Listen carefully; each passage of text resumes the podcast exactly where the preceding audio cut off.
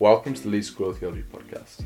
Our aim is to provide healthy theology that empowers you to bring change to the world. Each episode will be hosted by myself, Theo, and my co host Dave, and will feature a discussion and conversation with one of our teachers or friends of the school. Our hope is that the podcast will equip, empower, and inspire you to think theologically and to read, study, and apply God's Word in a deeper and life transforming way. We hope that you enjoy listening to the conversations that we have check us out at leedschooloftheology.org.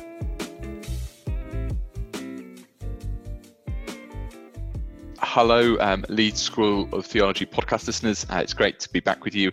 Uh, it's actually just well, just I say just me. Dave's Dave's not with us. Dave is away on uh, paternity leave. He's had a, a, a, lovely uh, little boy has been born uh, to him and his wife, and so um, he is. I was going to say resting, resting up, but he's probably absolutely not resting up right now with a, a two-week-old baby or a week-old baby. Um, and so it's just me today, and uh, we're still in lockdown and still kind of recording this in, during the coronavirus outbreak. Uh, and uh, so just hope that you and your families are keeping safe and well, and um, um, yeah, in the midst of a strange time, finding your um, your security and your hope in in Jesus. Um, today, we I'm joined by um, uh, the Reverend Alex Shields. Am I allowed, oh, actually, am I allowed to call you the Reverend Alex? Absolutely, go for it. Yeah. Right, the Reverend Alex. There we are. And uh, Alex is a, is a is a friend of of, of mine and Dave's, and um, and uh, we we kind of connected on on social media recently about uh, the the topic of sports washing and. Uh, um, football and ethics and Christian living, and so that's where we're going to go today. And I hope that you guys find it a an interesting and um, thought provoking uh, episode. And um, Alex, why don't you just um, just start perhaps by introducing yourself and, and kind of um, and yeah and, and who you are, what you do, and, and why this is a bit of interest to you. Great, yeah. Uh, yes, uh, as, as Theo says, I'm Alex. Uh, I met Theo and Dave, uh, as well as a, a, whole load of other people, uh, through St. Hild. Uh, studied for ordination at St. Hild College, and now I'm in my first year as a curate at Christchurch in Worksop. Worksop is, is just right next to Sheffield, but it's in Nottinghamshire, right at the top of the county. So I'm a curate there at Christ Church and at St. Luke's, and I also do some work with chaplaincy to our local football club, Worksop Town. And I'm from Newcastle, so I've always been very uh, passionate about sport and football in particular. And just in the last few years, really asking questions about how that engages with us as Christians and, and how that engages us uh, in ministry as well. Mm. Thanks, Alex. Thanks. And um, it was always a joy being in, in, in sessions with Alex. And um, I always remember Dave used to come out of a session if he'd been in a lecture with you. He's like, I'm trying to pin Alex down. And I think, Alex, you're probably one of those people that kind of can often hear the different sides of arguments and and see the strengths and stuff in, in mm. different kind of theological perspectives. And I think that's that's part of what I'm sure that you'll bring to the session today. So um, it's really great to be um, uh, to, yeah, to have you with us. You mentioned that part of one of the kind of the parts of your ministry is your work with the local football club. And um, can you just explain for us how that kind of came about and, and why for you that feels part of your of your calling and your ministry? Yeah, so so when I arrived, uh, I was doing my training at Christ Church in St Luke. So I've been at the church for three years, although I've I've been the curate just just for the one. Uh, and when I arrived there, my vicar Lewis Lima was the um, was the chaplain of Worksop Town Football Club, and that was something he wasn't able to continue as as much as he wanted to. But I started going along to games just when we moved to the area, just as a fan. I'd, I'd never really engaged with uh, non-league football before, and I was really impressed and encouraged by the sort of community spirit and the sort of fan base and the welcome that I got. Uh, I wasn't ordained at that point, so they had no need to uh, to worry about anything. Uh, and then over time, uh, we had conversations about me becoming the chaplain and, and doing a bit of training around that, which which virtually is just going to the games. I'll go in my dog collar, which is which is more challenging when it's really hot and sunny, and I'm wearing black, uh, and just talk to people, sort of have a laugh. Uh, I try to be there for uh, people in good times and bad, and that would be the, the, the staff, the players, the fans, uh, and, and what recently was quite a sort of tumultuous time for the club in which they had a lot of financial difficulty. Uh, I was just able to be there as, as a trusted voice, someone to talk to, someone to, to listen to people, and uh, just to support the people for, for who they are.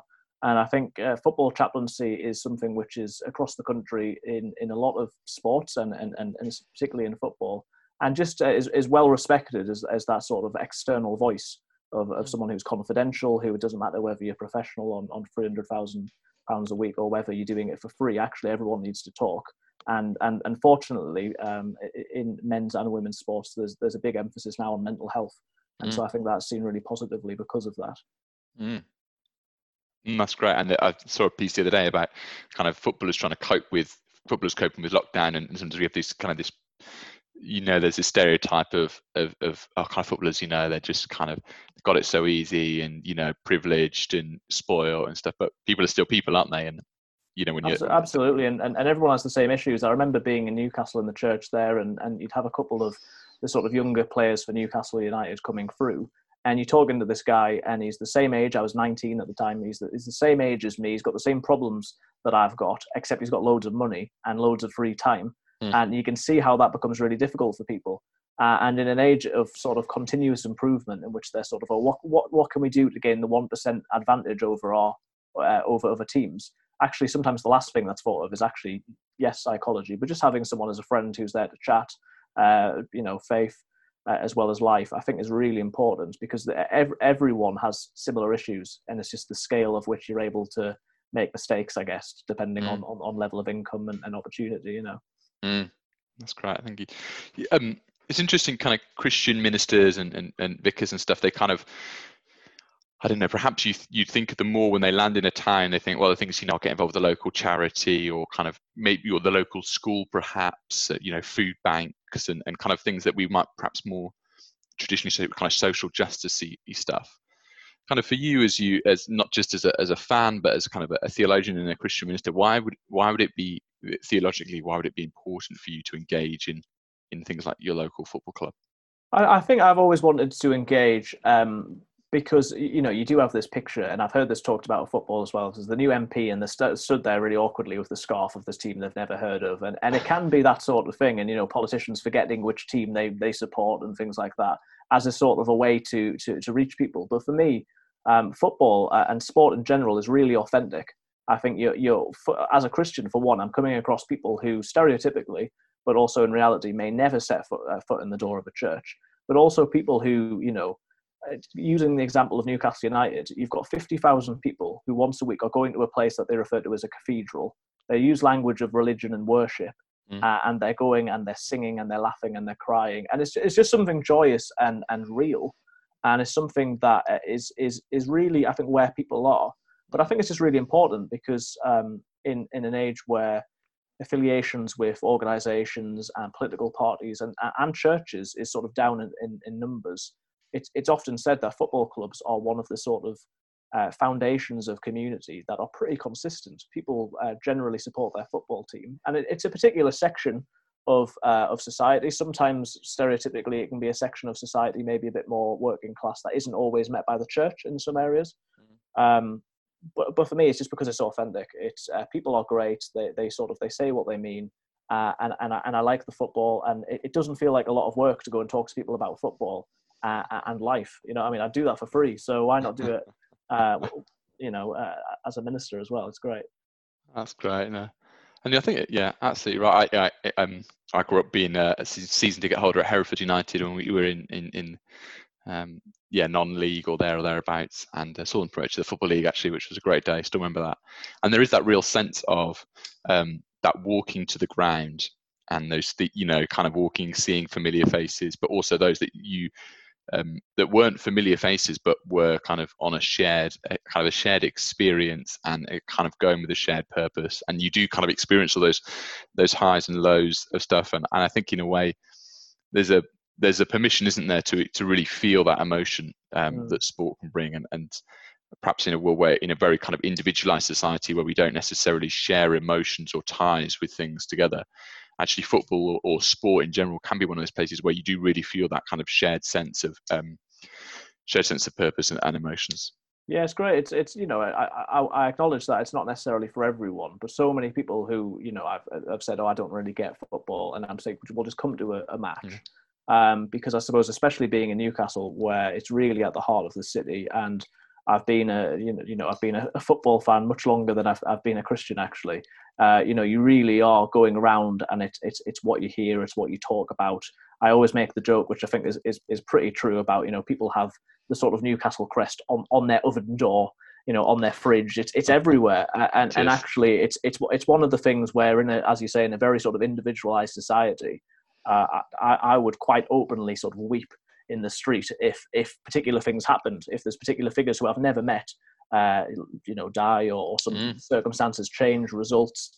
It really fills me with an emotion that I can't explain, and and I know it's it's ultimately you know I think it's a type of escapism, but mm. I, I think that that's okay, and I think we need to acknowledge that that's okay as well, even as Christians. Absolutely, uh, yeah, yeah. No, I I think I agree. There's um it was interesting when um, kind of when, when lockdown happened there was some people that were sort of saying oh well why does it matter that sports kind of sports been cancelled actually for for so many people sport is that kind of it kind of is a kind of a grounding point in a similar way to those of you that kind of go to miss going to church every sunday there's a Absolutely. similar grounding point that kind of every day every saturday uh, you know especially non-league every saturday at three o'clock Worksop or, or, or Hereford or are playing football, and that's kind of mm. as part of the routine and, and habits um, that we that we get into. And, and and when those are taken away, we do really notice it. So it's not just it is not it is just a game, but it's also it's more than that, isn't it? Absolutely, yeah. Yeah. Um, just um, kind of on a, a, kind of a more specific one, um, you've kind of mentioned that you're a, a Newcastle fan, and um, at the kind of the time of recording, Newcastle are in the news uh, a, a lot at the moment. Um, and I wonder whether you could just kind of just briefly explain to us what the kind of the situation going on at the club um, right now is, and for those that perhaps haven't heard about it, kind of why, yeah, why are Newcastle in the news? Great, yeah. So uh, Newcastle United, uh, obviously uh, a big football team in Newcastle, and at the moment the only football team in a in a huge radius in the north of England that are in the top flight of English football, the Premier League. And uh, since 2007, Newcastle United have been owned by a businessman called Mike Ashley, who is well known because he's the owner of Sports Direct as well as a lot of high street brands. And as he's in the media a lot of the time as a businessman, he's also been uh, very unpopular as a football club owner.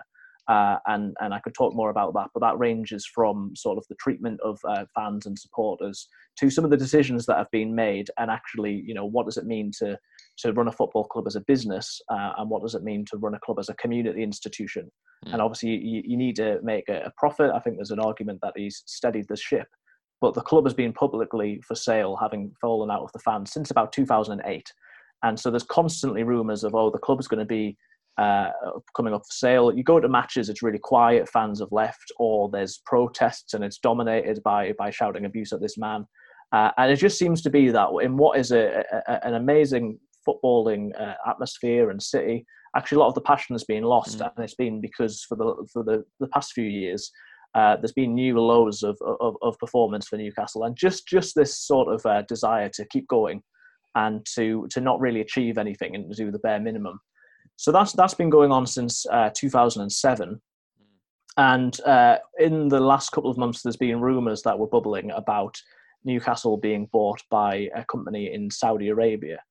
As that has uh, developed, it's it's looking like there's a potential 10% stake from a British businesswoman called Amanda Staveley, uh, 10% by the second richest family in the UK, which is the Reuben brothers, who have got property investment in the Northeast. But 80% of the money for this bid is, is supposed to be coming from the PIF, which is the Public Investment Fund of, of Saudi Arabia.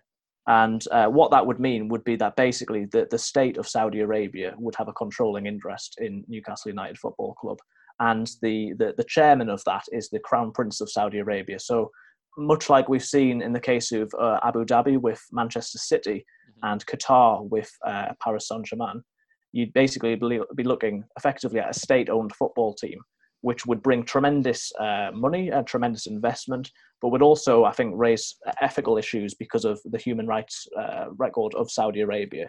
And so this has been bubbling away, and, and responses have been going backwards and forwards on, on whether this should be allowed to happen, uh, whether the government should get involved, and whether us, us as fans uh, and the public more broadly should be concerned by this. Mm. Mm. And um, thank you. That was very helpful, very helpful kind of intro to it. And it's it's complex, isn't it? And I think we'll probably come back to that complexity kind of throughout the rest of this discussion. But there's a complexity of of of kind of one, you know, there's not kind of clear, easy answers the way forward. There's loads of different stakeholders involved. Um, but as you and and kind of there's the wanting to get back to the days of, of kind of Shearer and Ginola, you know Ginola and these kind of great footballers and that, that someone that hasn't been kind of at the club for the last few years, but also a complexity of how to do that and, and how to do that in a way that that kind of that is yeah that is ethical and, and stuff. This uh, this kind of idea of of um, state-owned clubs, um, and you kind of mentioned a couple of examples. Um, you might sometimes the the word that's used to describe it is sports washing, um, and um, that's kind of a phrase being used in the media over the last few years. Um, if people aren't aware of that term, could you just kind of describe that for us so people kind of familiar if we use that term later on? Absolutely, yeah. Um, over the, the past few years, there's been a, a deliberate uh, vested interest from uh, Gulf states, particularly such as uh, Saudi Arabia, to get involved in sports at a high level. You've seen particular examples of that from Saudi Arabia in hosting uh, boxing matches. In uh, bids to get Formula One to go there, and um, and, and, and, things of that nature. And, and what has been suggested by Amnesty International and, and most of the experts on the subject and, and, and actually specifically said by Saudi Arabia and other countries as well, as they're doing this because they want to give a different perception of, of, of their nation uh, in, in, in, despite the sort of social and, and, and cultural issues which have happened over the past few years. Another example of this would probably be the World Cup in, uh, in Qatar.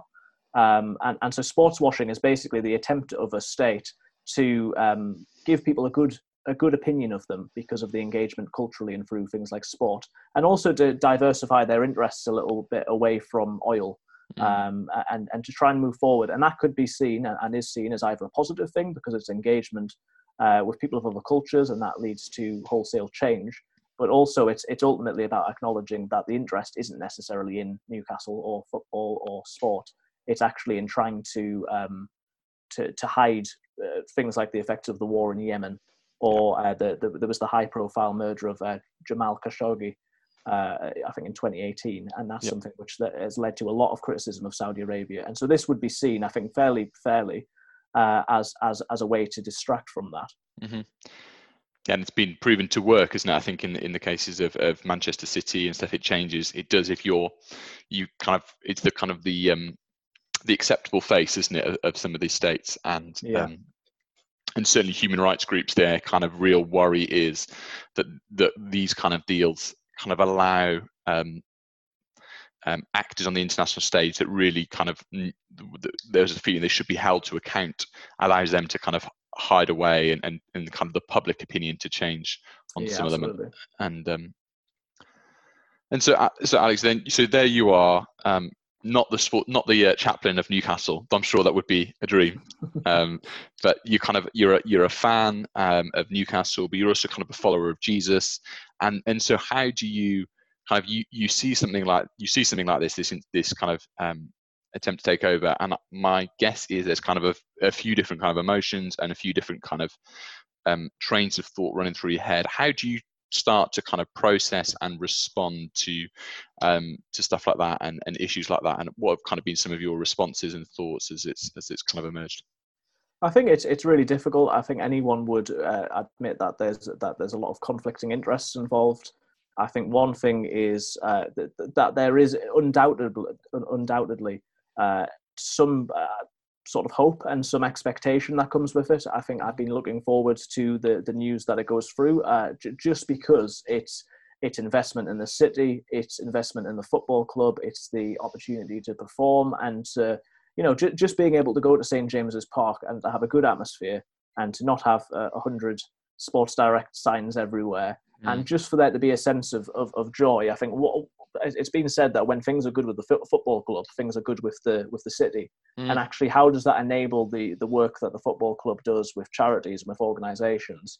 Uh, how, how, would that change the football club's work? I mean, one of the things that's been highlighted is that uh, the Premier League and and clubs like Newcastle have, have got a very uh, proud and openly uh, pro LGBT stance. How does that change when you've got uh, interests of a country where to, to be LGBT uh, means the death penalty? So the, the, the, there's there's a part of it which is sort of well, this has changed and this is good. It's it's sort of anyone but Mike Ashley. But yeah. then there's but then there's also part of it is if you added up all the crimes that Mike Ashley's done, where do they compare to to the state of Saudi Arabia? Well, they'd be absolutely minuscule. Mm. And so I think it's there, there has to be some level of awareness of that. Mm. Um, and I think as far as the statement that was released by Amnesty International goes, they basically said they don't have the right or, or want to presume that they have the ability to, to tell anyone who the owner of a football club should be. And they're not saying that it's fans' fault or that fans have done anything wrong for being happy to have new owners, but they were encouraging fans to, to be aware of the issues. Mm. And I think that's the most important thing is, is being aware of the issues because uh, the reality is is that fans can't be held accountable for this. In an ideal world, it wouldn't be happening. In terms of you know, I'm sure there'd be lots of other millionaires and billionaires who could take over, who could have good local interest. Um, and and yet, it isn't acceptable to say, oh well, what about other clubs? I mean, th- th- there is a reality in which uh, the way the sport and football in particular has gone is that uh, there's there's uh, involvement from all sorts of dodgy parties on all sides. There's uh, Russian and Chinese involvement in the Premier League. Mm. as we've said, there is sort of quite high profile cases of other clubs being owned by by states as well. But I don't think it's good enough for us to say, oh well, what about them? Uh, I think we need to wrestle with this and, and, and actually acknowledge that this is a new watermark in terms of money that you might not like in football being in football. Mm. Um, and, and yet, as Christians, I'm, I'm sort of hoping that we can find some hope in that. I think mm. sports washing as, is as good as uh, as people accepting that actually this is a good thing, that this is a, a, good nation. If we're aware of the issues and we're aware of what's being done, then sports washing doesn't have the same effect. And actually, because it's been in the media so much, oh, isn't it terrible that they're doing this with sports washing? That immediately negates that effect. Uh, but on the other hand, it um, it is something to worry about. And I think it does, it links to a whole load of other issues about how we can uh, live as Christians and be consumers and uh, engage with all industries. Um, when we know that there's corruption, when we know that mm. there's uh, human rights violations, when we know that there's money that is is is not mm. coming in cleanly, mm. and that, and and that is a challenge. But I think just first of all acknowledging that as a challenge and sort of that's, sitting with that that's helpful is, is a good starter, you know, response. That's really helpful. Yeah, it's interesting. So there's one part of it which is I'm just thinking of that kind of that really famous phrase in Jeremiah, you know, seeking the peace and prosperity of the city uh, in which you find yourself. And part of kind of wanting the local football team to do well, it's kind of not an issue divorced from kind of the Christian faith, is it? It's kind of it's kind of part and parcel that um, I think you're right. Is, is yeah, when the club's doing well, it kind of it has knock-on effects, and actually we're wanting to see our our, our cities um, and towns flourish and that also kind of involves the football club. It's not, yeah. Absolutely, it's it's, it's, it's like any area of business or life, and I think the question, the key question for us is uh, is whether we engage, and what is the best possible response as Christians? Is it better to to disengage? Is it better to say, well, I'm mm. not going to be part of that? Uh, I think the challenge for me would be that actually, I think because of the conversations that are that football affords, because of the the life that is able to be shared, and because of the, the, the sort of realness of it, I think that actually uh, not being there and disengaging would mean that would be we'd be missing opportunity as Christians to uh, really uh, share share God's light. And I, and I think the other thing is is there's always going to be part of us as Christians that that wants to bring hope and wants to bring goodness, and and of mm. course that's what we're all about. Um, but I think there's a difference between God's sort of ultimate hope that that will be fulfilled in Christ, and then actually what we can bring now uh, and and and I, in sort of thinking about this, I was looking a little bit at the uh, some of the study of uh, Richard Bauckham uh, and, and and Dietrich Bonhoeffer as well, because Bauckham talks about uh, ultimate hope and then uh, proximate hope. So there's the there's the final hope, and then there's the hope in our times. And he says the thing that we need to be really careful about as Christians is that our focus doesn't become totally on just making the world better, mm. as if we think that one day we'll get the right answers and it all click into place uh, and that's sort of an attitude of the 20th century. We won't need God anymore. That's that's clearly not going to happen. But that doesn't mean that we don't, uh, you know, we don't pray, we don't act, we don't campaign, uh, and and sort of work for the, the renewal of the, the earth and, and for the the goodness of people. And mm. and and um, you know, Bonhoeffer said as well that actually, what does it mean for us to be Christian community? What does it mean for us to create something which is which is hopefully uh, God's way on earth? And he says, uh, Christian community is not an ideal, which we must realize. It is rather a reality created by God and Christ in which we may participate. So we're not hmm. we're not making the world a better place. I hope we are, but fundamentally, we, I think it's it's it's acknowledging that the world is broken and things are probably going to get worse. Uh, but actually, God has given us this reality in Christ, and He's given us this community called the church.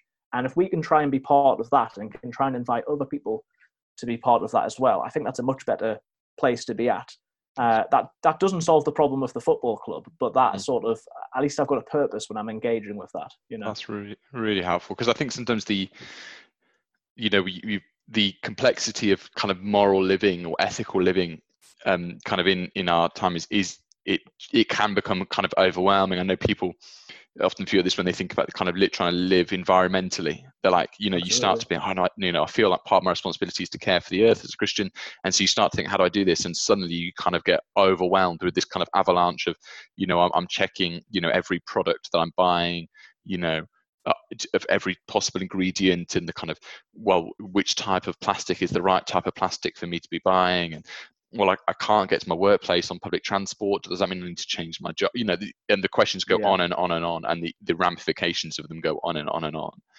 And i think there's, there can be a tendency kind of to kind of just be like well I, I, I can't be perfect. Mm. so maybe i should just kind of it, it can become wanting to almost feel like I just give up and just want to disengage as you've kind of talked about Yeah, and I, and I think that causes people to yeah feel as though they can't do anything, uh, Yeah. and we have seen that in the case of you know uh, we talked a bit before this about what the response of fans has been, and and the response of some fans has, has been to say, uh, you know, I'm really uh, struggling with this morally, but actually, uh, I'm there's still I, I still believe that uh, you know Newcastle is a good cosmopolitan city. I do I, I still believe the football is a force for good. It brings reconciliation, and so I'm choosing to try and, and find the good in this, and hope that actually you know. Um, there's nothing to say in, in some parts that uh, the involvement of, of some of these states in uh, democratic Western society won't have an influence on them. You hope Yeah. that actually it'll work the other way around and that will be making a difference there. So that has been the response of some fans. Other fans have basically said either I don't care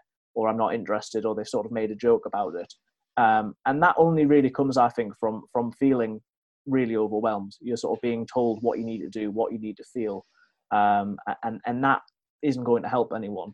I Mm. think we can we can you know we can look at what the what our, our virtue is as people. We can look at what, where our identity comes from and be clear that actually we're not that. We're not that thing which is which is evil and which is, is taking over. And and yet we we are still a community together. A, a- a big thing in the last few years for Newcastle fans is um, that it's often been said about the Mike Ashley ownership that fans support the team and not the regime. I don't think they're suddenly going to start supporting the regime now. Um, but that doesn't mean that the issues aren't there. And I think we should be listening to, to uh, experts in Amnesty International and so on about how we can respond appropriately um, and try and make a difference from within rather than just, just by disengaging, as you say. That's helpful. That's helpful. Yeah, just um, it was um, I was thinking about the involvement of gambling as well in football, and I think it was like half of Premier League football clubs Yeah. have kind of a gambling sponsor on their shirts, and so do we. I think that's so helpful that we can't just kind of walk away and disengage, um, but also we don't just want to kind of pretend that you know, you know, know, I guess there's there's extremes in there. So you either walk away, disengage, and say, I want to stay morally pure, and so I'm just not gonna, I'm not gonna have anything to do with this club anymore. I'm, I'm gonna walk away, which which seems to just fall so far short of where you want to be. Or there's the kind of, it just feels too complex and too difficult, so I'm just going to pretend the issues aren't there and just crack on as I was. And that also feels like it falls short of who you're called to be as a Yeah. as a, as a, as a, as a, as a disciple of Jesus. But what you're saying is there's a place in the middle which recognizes this issue and, and, and kind of does some does a little bit of work to actually be aware of the, some of the issues and that is part of our responsibilities and it is to try and become aware of, of how we're living uh, kind of in football and in kind of other areas of life and be aware of the ethical implications of what we're doing and work within them in, in an imperfect way to I try think and see I- good. Yeah, I think so. And and um, was was having a look the other day. I think there's that verse in, in, in one Peter two, isn't there? I think it may be verse fifteen about uh, always being prepared to give a reason for the hope that's within us. Uh, and and that means that when we're accused of not doing the right thing, we we're able to to sort of talk to people about that. And I, and I think that actually it's important that we share our faith in this. It's important that we engage for the right reasons. Um, but but also I think if, if if we're aware of where we stand and we've at least thought about it, then we can then we can talk about that. I, I think it's that's much better than either not doing anything or just sort of closing your eyes and hoping it's it's all going to go away. Uh, we know that it's not all going to go away, but Mm. ultimately that we do have hope. Uh, and so, what can we do to try and bring that hope hope to people now? You know, if we were to say, as as you say, we're going to disengage from football because um, it's it's it's it's it's full of gambling and, Mm. and all sorts of problems. then you, you know we might be sat in our church thinking, well, where are all the people who have got gambling addictions? Well, they're at the football. you know, that, that's Yeah. that's how we can we can Yeah. help people by being where they are. And there's something about the incarnation of Jesus. I think that teaches us to to be actually where the people are and not to take a, a moral high ground. Absolutely, absolutely. Um, yeah, and no, thank you. Alex. That's really helpful, really helpful. And I think some of those kind of those principles apply kind of not just in this issue, do they? They apply kind of broader, broader as you think about what it means to live an ethical life, to live a life kind of uh, that phrase wor- worthy of the gospel. Do you know what I mean? Worthy- Absolutely, yeah. Yeah, um, yeah. and it in, involves both kind of getting involved and it complex and, and difficult muddy decisions but also involves kind of having our eyes fixed on that future hope um, that's really helpful really helpful um, Alex, you mentioned this kind of amnesty report, and um, so if people kind of search Amnesty International Newcastle, they'll kind of find it, and if they're wanting to get a bit more kind of clued up in the issues, that, that seems to be the place to go, doesn't it? Absolutely, yeah. There's there's loads of stuff out there at the moment, but they they've written a, a, report. They've written a letter to the Premier League. It we're expecting that this will go through. Uh, there's all the reports seem to be saying that in the next day or two, even potentially by the time people are hearing this, that that it might have happened. Uh, but obviously, this will only be the beginning of, of, of the discussion of it. So, Mm. yeah, cer- certainly searching amnesty and, and, and more broadly for the issues around um, Saudi Arabia and the war in Yemen. I think uh, Amnesty have done a lot of work on that, and it's That's so- great. something I didn't really know anything about before before this current situation as well. No, That's great, thank you. Yeah, and uh, so Henry Winter, the sport, the uh, te- um, Telegraph, Telegraph sports writer, he kind of saying, you know, the amount of uh, arms deals being done by the the UK government to uh, Saudi Arabia for the war around Yemen. So it's really complex and, and kind of affects Yeah, not just yeah. Newcastle fans, but actually kind of all of us as for those listening in the UK, all of us as, as citizens of, of the UK. Alex, thank you so much. It's been really, I've really enjoyed our, our, our, our little chat and um, helped me to try and think through some of the ways in which I can respond, kind of not as a Newcastle fan, but as a football fan, as a Christian, and starting to think through those issues and feel that call to get a bit more clued up and a bit more engaged. So Thank, thank, you. Yeah, I've, I've, really appreciated it, and I'd love if anyone wants to uh, to get in touch with me to talk about it to, to do so. I, I'm still sort of trying to figure out what uh, what I think about everything, um, but I I'm, I can give people my email address. But I'm I'm basically using Twitter far too much all the time. I was going to say you're normally Uh, on social media. What's your What's your yeah, uh, handle, Alex? Just Rev Alex Shiells. Uh, so Shiells is S H I E L L S. That's Rev Alex Shiells, and uh, I'm happy to have a chat with anyone, but I can't promise any any answers. And we'll um, we'll post the link to your social media um, in where we in the in the description of the podcast. Um, Alex, bless you and your, and your, your time at Worksop and kind of continued ministry, and um, maybe we'll uh, we'll have you back on the podcast at some point. I, I on uh, you, yeah. I enjoyed that. Cheers. God bless.